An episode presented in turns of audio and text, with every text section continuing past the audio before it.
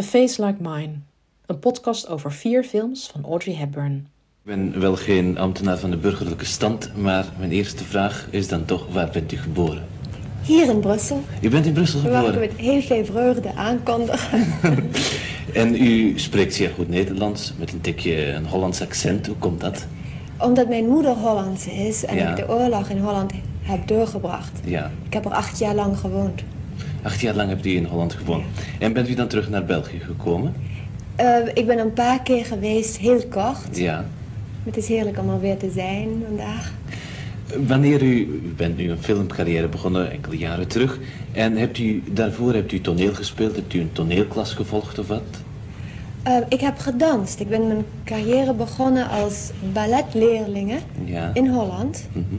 En eh, ben als ehm, balletleerling ook naar Lon- Londen gegaan Mhm. in 48. Ja. En toen langzamerhand, van het ene kwam het andere. En, Ja. en heb ik hele kleine rolletjes gespeeld in een enkele film Ja. in Londen. En eh, toen heb ik de opportuniteit gehad om Gigi te spelen in New York in een theater. Ja. En diezelfde jaar heb ik een test gemaakt voor ehm, Roman Holiday. Mhm. Dus Dus wanneer die, dat die dat was film Roman Holiday... 1952, Ja. een groot jaar voor mij. wanneer die film gepland was, dan was die vedette nog niet aangeduid op dat ogenblik. Dat, er is een test voor gebeurd, er zijn verschillende actrices die zich aangeboden hebben voor die film. Of was ja, die of die, uitgezocht zijn. Ja. Nee, die was niet voor mij Bedoeld, nee. In 1959 zat Audrey Hepburn op de bank bij de Vlaamse televisiepresentator Pros Verbrugge. Stralend en elegant als altijd staat ze, in het Nederlands, de duidelijk geïmponeerde Verbrugge te woord. Aanleiding voor het interview was de promotie van haar nieuwe film The Nun Story. Hepburn schijnt ooit gezegd te hebben: I never thought I'd land in pictures with a face like mine. En of dat valse bescheidenheid was of niet, maar juist dat bijzondere gezicht met die sprekende hertenogen zou synoniem worden voor haar schoonheid. In deze podcast vertel ik, Kim van der Werf, programmeur van Focus Filmtheater, over mijn vier favoriete Audrey Hepburn films. En dat is een kleine greep uit een oeuvre dat zo'n 27 speelfilms en nog wat televisiewerk omvat. Ik doe dat als filmliefhebber, maar ook als Arnhemmer, omdat Audrey Hepburn nog steeds wordt herinnerd als een prominent inwoner van Arnhem. Het is niet voor niets dat het plein waarop Focus Filmtheater in 2018 zijn nieuwe gebouw opende, het Audrey Hepburnplein heet. Wie in enige mate thuis is in de geschiedenis van Arnhem, weet dat de op 4 mei 1929 in Brussel geboren Audrey Kathleen Ruston haar oorlogsjaren doorbracht in Arnhem en Velp. Daar kwam haar moeder, barones Ella van Heemstra, vandaan. Hepburns grootvader, baron van Heemstra, was van 1910 tot 1920 burgemeester van Arnhem. En als je onze Audrey Hepburn wandeling doet, kom je langs een aantal plekken die wat hebben betekend in het leven van Audrey Hepburn. Zoals Audrey Hepburn in het interviewfragment met Pros Verbrugge vertelt, vertrok ze na de oorlog naar Londen om een dansopleiding te volgen. En van het dansen kwam theater en van theater kwam film. In de vroege jaren 50 een paar piepkleine rollen als hotelreceptionist of als sigarettenverkoopster, tot in 1952 Roman Holiday van regisseur William Wyler op haar pad kwam. Ze was inderdaad niet, zoals ook in het interview verteld, de eerste keuze, net zo min als haar tegenspeler Gregory Peck dat was. Aanvankelijk had de studio Paramount bepaald dat het een romantische komedie moest worden met in de hoofdrollen Cary Grant en Elizabeth Taylor. Taylor kon niet, wegens contractuele verplichtingen, en had bovendien ook niet Wyner's voorkeur. En Cary Grant, toen 48 jaar, vond zichzelf gewoon te oud. En dat is wel een aardig detail, want zo'n tien jaar later, en dus nog eens tien jaar ouder, zou hij in Charade toch tegenover Audrey Hepburn staan. Maar daarover later meer. Wyler wilde graag Jean Simmons als vrouwelijke lead, maar zij was niet beschikbaar. Hij werd door regisseur Thorold Dickinson geattendeerd op ene Audrey Hepburn, een volstrekt onbekende, maar buitengewoon mooie jonge actrice. Een heleboel screentests later was haar eerste grote filmrol een feit. En daarmee werd een iconische filmster geboren, die vooral in de jaren 50 en 60 van de vorige eeuw zou schitteren in een aantal rollen die haar op het lijf waren geschreven en die nu nog grote populariteit geniet. Ze werd geroemd om haar frêle schoonheid, geholpen door haar band met modeontwerper Hubert de Givenchy, die haar prachtig aankleedde. En als actrice was ze warm, herkenbaar, kwetsbaar en bovendien op een subtiele wijze heel grappig. Roman Holiday werd een triomf. In sfeervol zwart-wit vertelt Wilder hoe de verveelde prinses Anne op staatsbezoek in Rome aan haar gevolg ontsnapt. En uiteindelijk op de bank van de nietsvermoedende journalist Joe Bradley belandt. Bradley denkt dat zijn onwelkome gast aangeschoten is, dus hij probeert snel van haar af te komen. Tot hij ontdekt dat zij de vermiste prinses is. En dan knutselt hij een plan in elkaar waarin hij werk en vrije tijd probeert te combineren. Luister even naar een dialoog tussen Prinses Anne, die dus niet weet dat journalist Joe Bradley wel weet dat zij de vermiste prinses is. En prinses Anne heeft van Bradley duizend lieren gekregen, waarmee ze net een ijsje heeft gekocht en haar haar heeft laten knippen. Why don't you take a little time for yourself? Maybe another hour. Live dangerously. Take the whole day. I could do some of the things I've always wanted to. Like what? Oh, you can't imagine. I'd, I'd like to do just whatever I like the whole day long. Things like having your hair cut, eating gelato. Yes, and I'd, I'd like to sit a sidewalk cafe and look in shop windows, walk in the rain, have fun, and maybe some excitement. Doesn't seem much to you, does it? It's great. Tell you what, why don't we do all those things? Together. But don't you have to work? Work? Now. Today's going to be a holiday. But you don't want to do a lot of silly things. Don't I? First wish, one sidewalk cafe coming right up. Behalve een vehikel voor de niet geringe charmes van zowel de gearriveerde filmster Gregory Peck als de ster in wording Audrey Hepburn, liet Roman Holiday ook de Italiaanse hoofdstad in volle klassieke glorie zien. Het Colosseum komt voorbij, het Forum Romanum, de Spaanse trappen en natuurlijk de Trevi-fontein. Het opnemen van deze grote film was voor Audrey Hepburn een uitdaging. Ze had zich als filmactrice allerminst bewezen en tegenspel bieden aan een ster als Gregory Peck was natuurlijk spannend. En Peck had aanvankelijk ook wel zijn reserves. Maar gaandeweg kreeg hij door dat Audrey Hepburn wel eens een hele mooie toekomst tegemoet zou kunnen gaan. Hij belde toen zijn agent, George Chasin, met het verzoek contact op te nemen met filmstudio Paramount om Audrey Hepburn als co-star in de titels van de film en op alle posters te vermelden. Want, vertelde Peck aan zijn agent, de echte ster van deze film is Audrey Hepburn. Het antwoord van de studio was duidelijk. Geen denken aan. Dit is een onbekend meisje. And our job is to sell Gregory Peck. Waarop Jason meldde dat Peck daar niet gelukkig mee zou zijn. En zo kon het gebeuren dat de genereuze Peck regelde dat Hepburn in de billing-hierarchie op dezelfde hoogte kwam als hij. En dat bleek een juiste keuze. Hepburn verdiende met Roman Holiday haar eerste van in totaal vijf Oscar-nominaties. En die eerste keer was het ook meteen raak. Shall I read it? Shall I read it? I don't think I will. Ladies and gentlemen, in New York City, Miss Audrey Hepburn in Roman Holiday.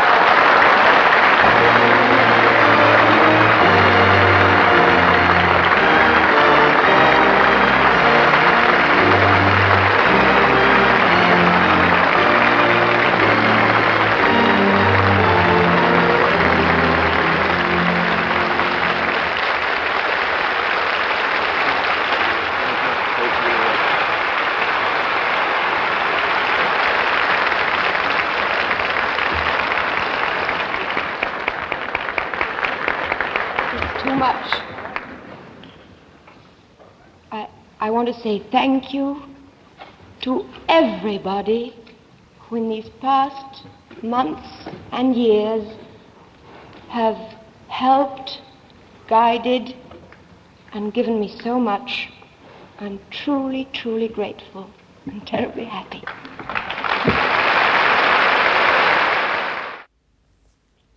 In hetzelfde jaar dat ze haar Oscar won, verscheen haar tweede grote film, Sabrina, geregisseerd door Billy Wilder. Met naast Hepburn ook William Holden en, jazeker, de held van de film noir, Humphrey Bogart. Het verhaal van Sabrina is een soort kruising tussen Assepoester en het lelijke eendje.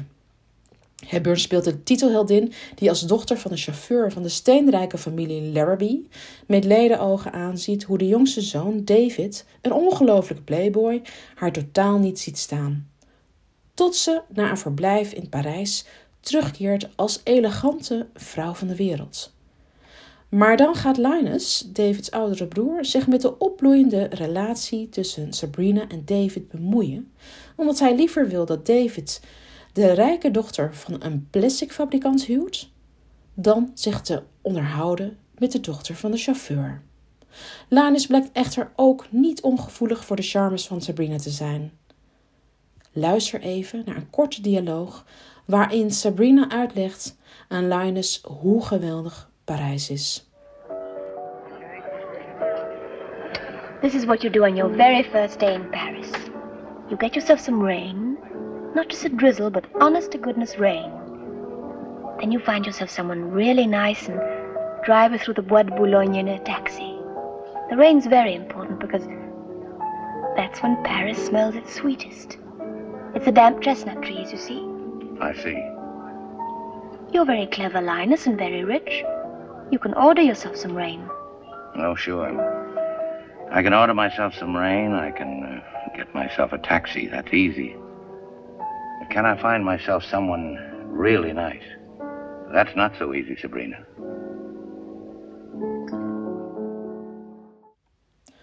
Onscreen zag het er moeiteloos uit en ook Hepburn's tweede grote film werd goed ontvangen en trok veel publiek. Maar de productie van deze film was weinig harmonieus. Het zinde Bogart niet dat hij eigenlijk de tweede keus was, want aanvankelijk was dus Cary Grant beoogd voor de rol van Linus Larrabee. En net als bij Roman Holiday had Grant ook deze rol afgeslagen.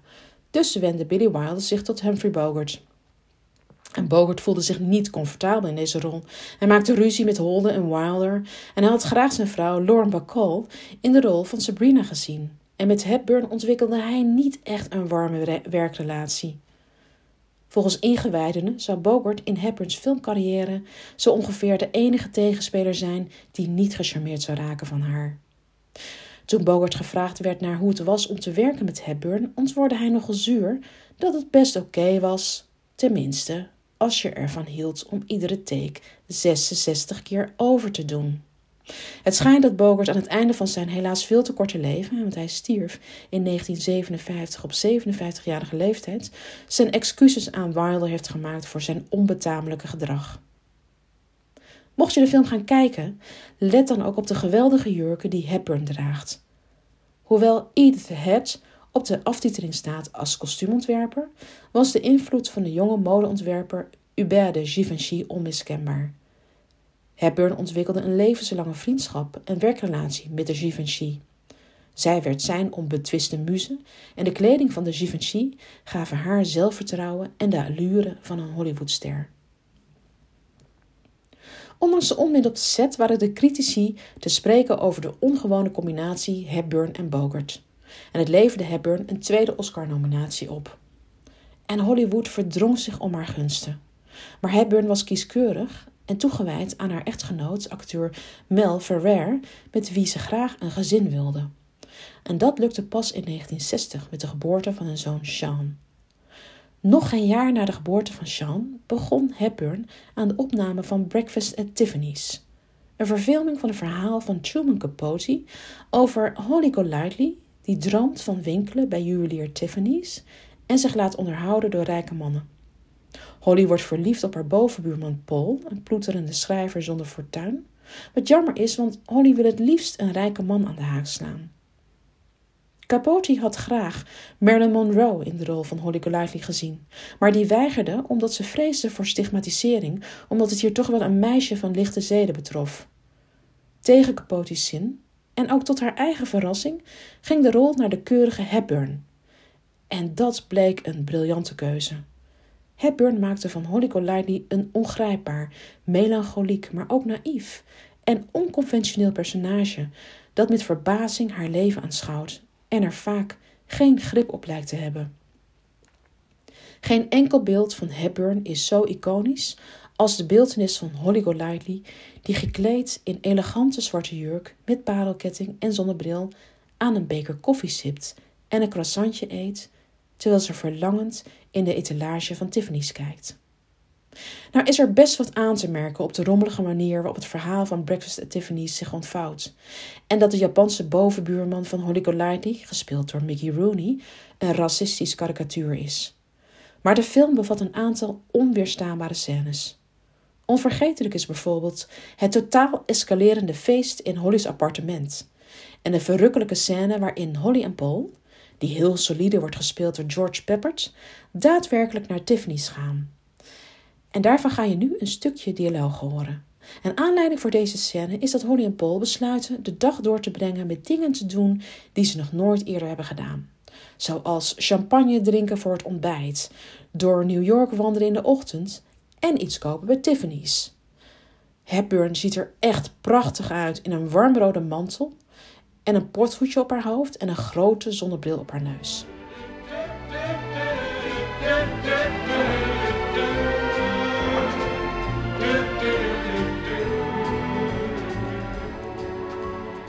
Don't you just love it? Love what? Tiffany's.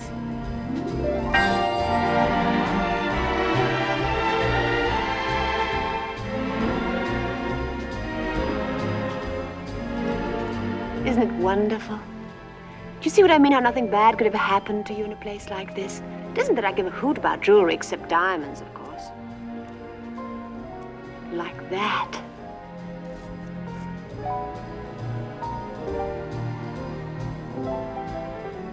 What do you think? Well, Of course, personally, I think it'd be tacky to wear diamonds before I'm 40. Well, you're right. But in the meantime, you should have something. I'll wait. No, I'm going to buy you a present. You bought me one, a typewriter ribbon, and it brought me luck. All right, but Tiffany's can be pretty expensive. I've got my check and $10. Oh, I wouldn't let you cash a check. But a present for $10 or under, that I'll accept. Of course, I don't exactly know what we're going to find at Tiffany's for $10.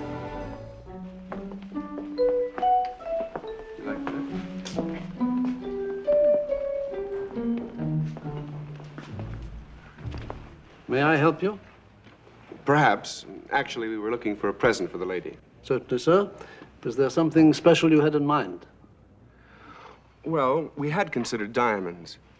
Now, I don't want to offend you, but the lady feels that diamonds are tacky for her.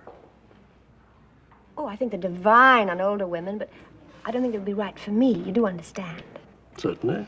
In all fairness, I think I ought to explain um, there is also a secondary problem, one of finance. We can only afford to spend a limited amount. May I ask how limited? $10. Ten dollars. That was the outside figure, yes. I see. Do you have anything for $10? Well, frankly, madam, within that price range, the variety of merchandise is rather limited. However, I do think we might have, let me see, strictly as a novelty, you understand, for the lady and gentleman who has everything, a sterling silver telephone dialer. Ook voor deze film werd Hepburn genomineerd voor een Oscar. Maar die ging dat jaar naar Sophia Loren. Breakfast won wel twee andere Oscars, die voor de beste originele soundtrack van Henry Mancini en die voor het beste liedje. En dit liedje, Moon River, wordt gezongen door Audrey Hepburn zelf. In de film zie je haar op de vensterbank van haar appartement zitten. Blote voeten, hoofddoek om, gekleed in sweater en spijkerbroek. Ze begeleidt zichzelf op gitaar terwijl ze het liedje zingt. John Mercer schreef de tekst van Moon River en Henry Mancini componeerde de me- melodie, die ook heel mooi steeds als thema terugkomt in de film. Het liedje reflecteert de kwetsbaarheid van het personage Holly Golightly, dat net als iedereen simpelweg op zoek is naar geluk. Omdat Hepburn geen getrainde zangeres was, wilde filmstudio Paramount aanvankelijk dat ze gedubt zou worden. Maar Mancini stond er echter op iets te componeren wat Hepburn wel kon zingen. En toen bleek de eerste versie van de film te lang te zijn. Een van de studiohoofden schijnt gezegd te hebben van... Oh, we'll just cut a song. Waarop Mancini verbleekte. Het eerst muisstil werd in de kamer en er vervolgens een luide discussie losbarstte. Met als uitkomst dat het liedje bleef, omdat La Hepburn dat zelf bepaalde.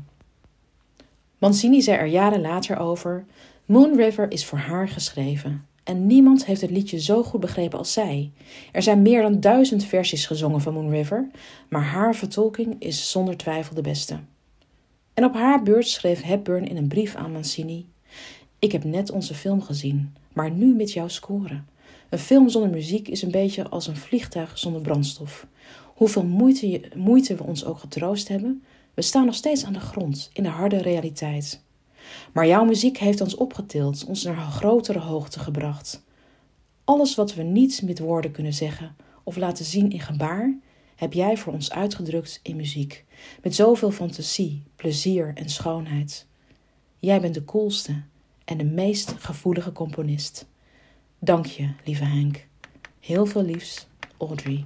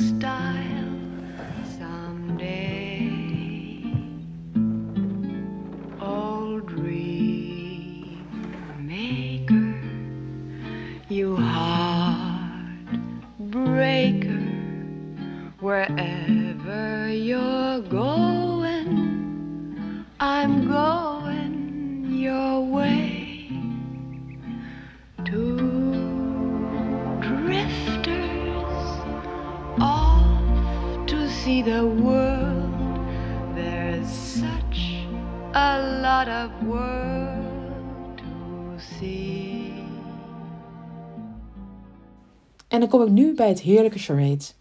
Ik denk toch wel mijn favoriete Hepburn-film. Met eindelijk ook mijn favoriete Hollywood-acteur.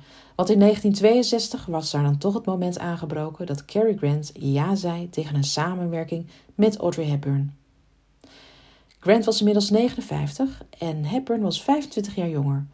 Aanvankelijk zag hij er wederom niets in om Hepburn's love interest te spelen, uiteraard vanwege het leeftijdsverschil. Maar in Stanley Donen's charade had hij schijnbaar toch vertrouwen. Wat geholpen kan hebben is dat Donen er schaamteloos voor uitkwam een Hitchcockiaanse film te willen maken. Ik heb altijd al een film willen maken die lijkt op North by Northwest, een van mijn lievelingsfilms. Ik zocht naar iets met een gelijksoortig idioom van avontuur, spanning en humor, zei Donen. En zo werd Charade een soort ode aan de master of suspense Alfred Hitchcock, maar dan met een behoorlijke knipoog, want Donen voegde aanzienlijk meer humor aan zijn Hitchcock-tale toe dan de maestro zelf zou doen. En de plotvastheid heeft bij Donen ook wel wat in moeten leveren ten faveur van vorm en stijl. Het veelgeprezen resultaat werd door menigeen ook wel de beste Hitchcock-film die Hitchcock nooit heeft gemaakt genoemd. Zo doet de fantastische, kleurrijke, bijna psychedelische titelsequentie, zeg maar de aantiteling, van grafisch vormgever Maurice Binder sterk denken aan het werk van de legendarische Saul Bass, die de titelsequenties van de Hitchcock-films maakte. Deze Maurice Binder vergaarde vervolgens wereldroem als de vaste titelontwerper van de James Bond-films, vanaf Dr. No in 1962 tot License to Kill in 1989. Maar dat terzijde. Met Cary Grant had Stanley Donen bovendien een acteur binnengehaald die in vier films van de bewonderde Hitchcock schitterde.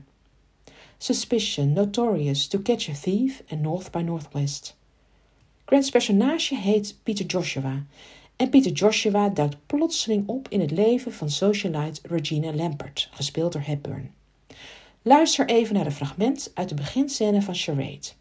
Regina is met haar zus op wintersportvakantie ergens in de Franse Alpen, als op het terras van een skiresort uitkijkend op de besneeuwde bergen Peter Joshua ontmoet. Joshua heeft haar neefje in de kraag gevat, die net ene baron Rothschild heeft bekogeld met sneeuwballen. Does he belong to you? Mm, It's hers. Where'd you find him? Robbing a bank? He was throwing snowballs at Baron Rothschild. Oh, thank you. Do we know each other? Why do you think we're going to? I don't know. How would I know? Because I already know an awful lot of people, and until one of them dies, I couldn't possibly meet anyone else. Hmm. Well, if anyone goes on the critical list, let me know. Hmm. quitter. Uh-huh. You give up awfully easily, don't you? Viens, Jean-Louis, let us make a walk. I've never seen a Rothschild before.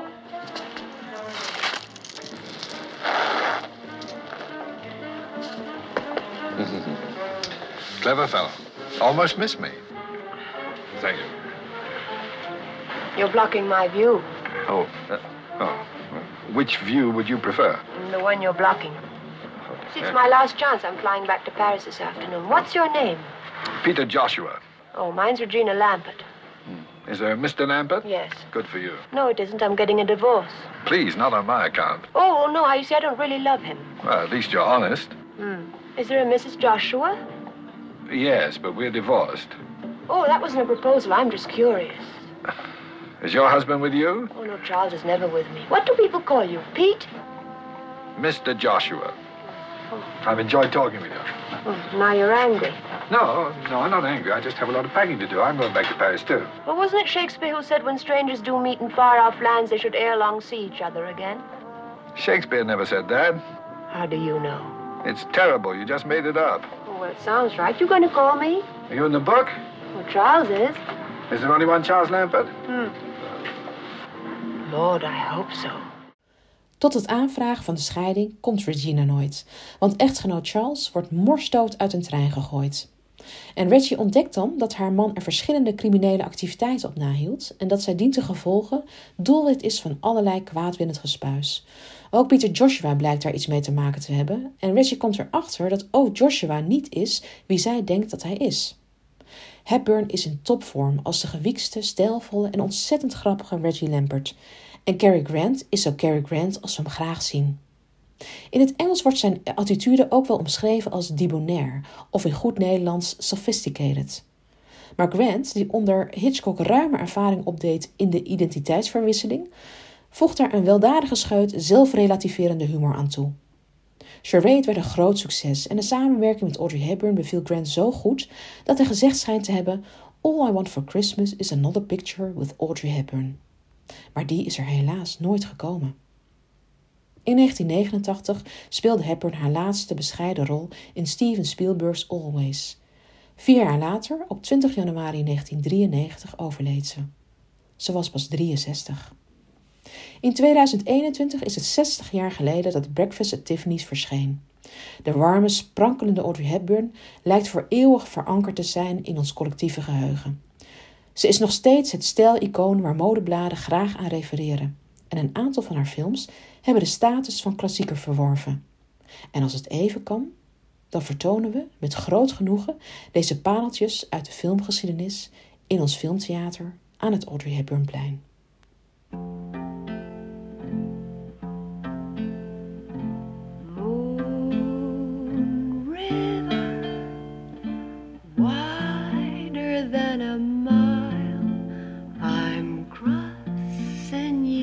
In style someday.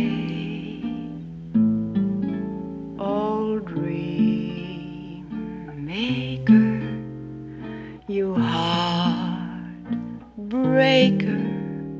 wherever you're going,